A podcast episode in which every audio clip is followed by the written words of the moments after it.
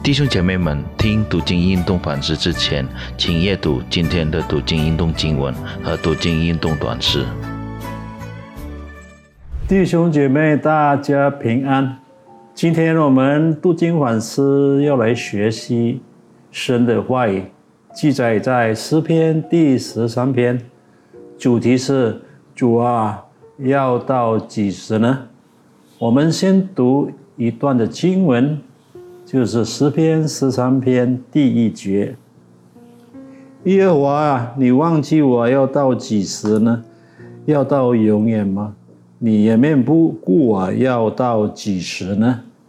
我们先祷告，主啊，这个时候我们要像诗人一样的来到你的面前，你是否忘记我们要到几时呢？我们每日的愁苦要到几时呢？但你的眼光没有离开我们，你是信实的主，唯有依靠你的恩、你的爱，我们必得救恩而喜乐。奉靠主耶稣基督的圣名祷告，阿门。诗篇十三篇，短短的六节，讲述了诗人大卫的叹息、颂赞、挣扎、祈求，还有依靠。十三篇一开始，大卫来到伟大的上帝面前，抱怨倾诉他的心声，就好像说叫天天不应的样子，是有点奇怪。一般不是说我们来到伟大的上帝这位宇宙的创造者神面前，要来赞美他，为什么呢？因为大卫知道神是他的依靠。他的神也是在经历许多患难中帮助他、拯救他的神，所以他可以来到神的面前，倾吐他的心声，不是虚伪的赞美啊、歌颂啊等等。我们是神的儿女，神的朋友，我们也可以这样的来到神的面前，祈求、抱怨、祷告，跟他交谈，不是说每天。就像我们常听到的，要赞美神啊，要歌颂神啊，其实不是这样的。所以我们可以可以像大卫一样的来到神的面前，我们可以把我们的苦难在神面前成熟，我们所面对的困难，并不是赞美啊、感谢啊，好像是口是心非的，心不由衷，而是把我们的困难带到神的面前。我们可以向他分享，向他商量，祈求他的帮助。记得，我们的主，我们的神也是我们最亲密的朋友。不是有一首诗诗歌这样说：“耶稣是我亲密的朋友吗？”是呃，这个在圣教诗歌里，我们常有唱这首诗。在诗篇十三篇的头两节，四次出现，要到几时呢？你忘记我要到几时呢？你颜面不顾我要到几时呢？我心里筹算终日愁苦要到几时呢？我的仇敌身高压制我要到几时呢？的确，我们的神在我们面对困难的时候，不一定马上回应我们，他不一定马上回应我们的祷告。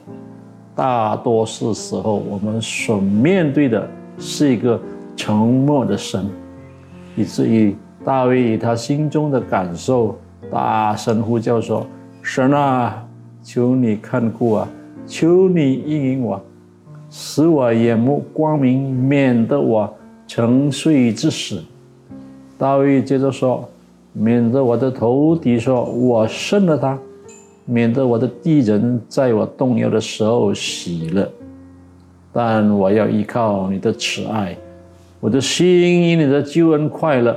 我向耶和华歌唱，用他厚，因他用厚恩待我。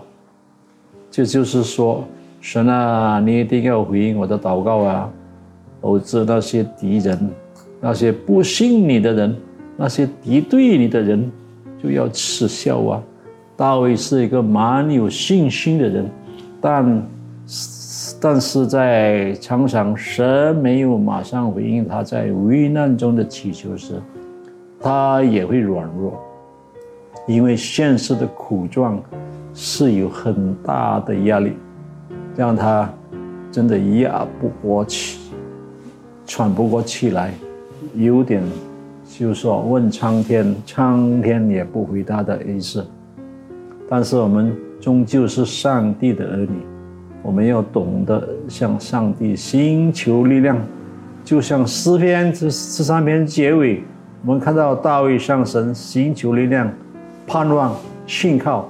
我们是否也经历这样的情况呢？来到神的面前吧，像大卫一样。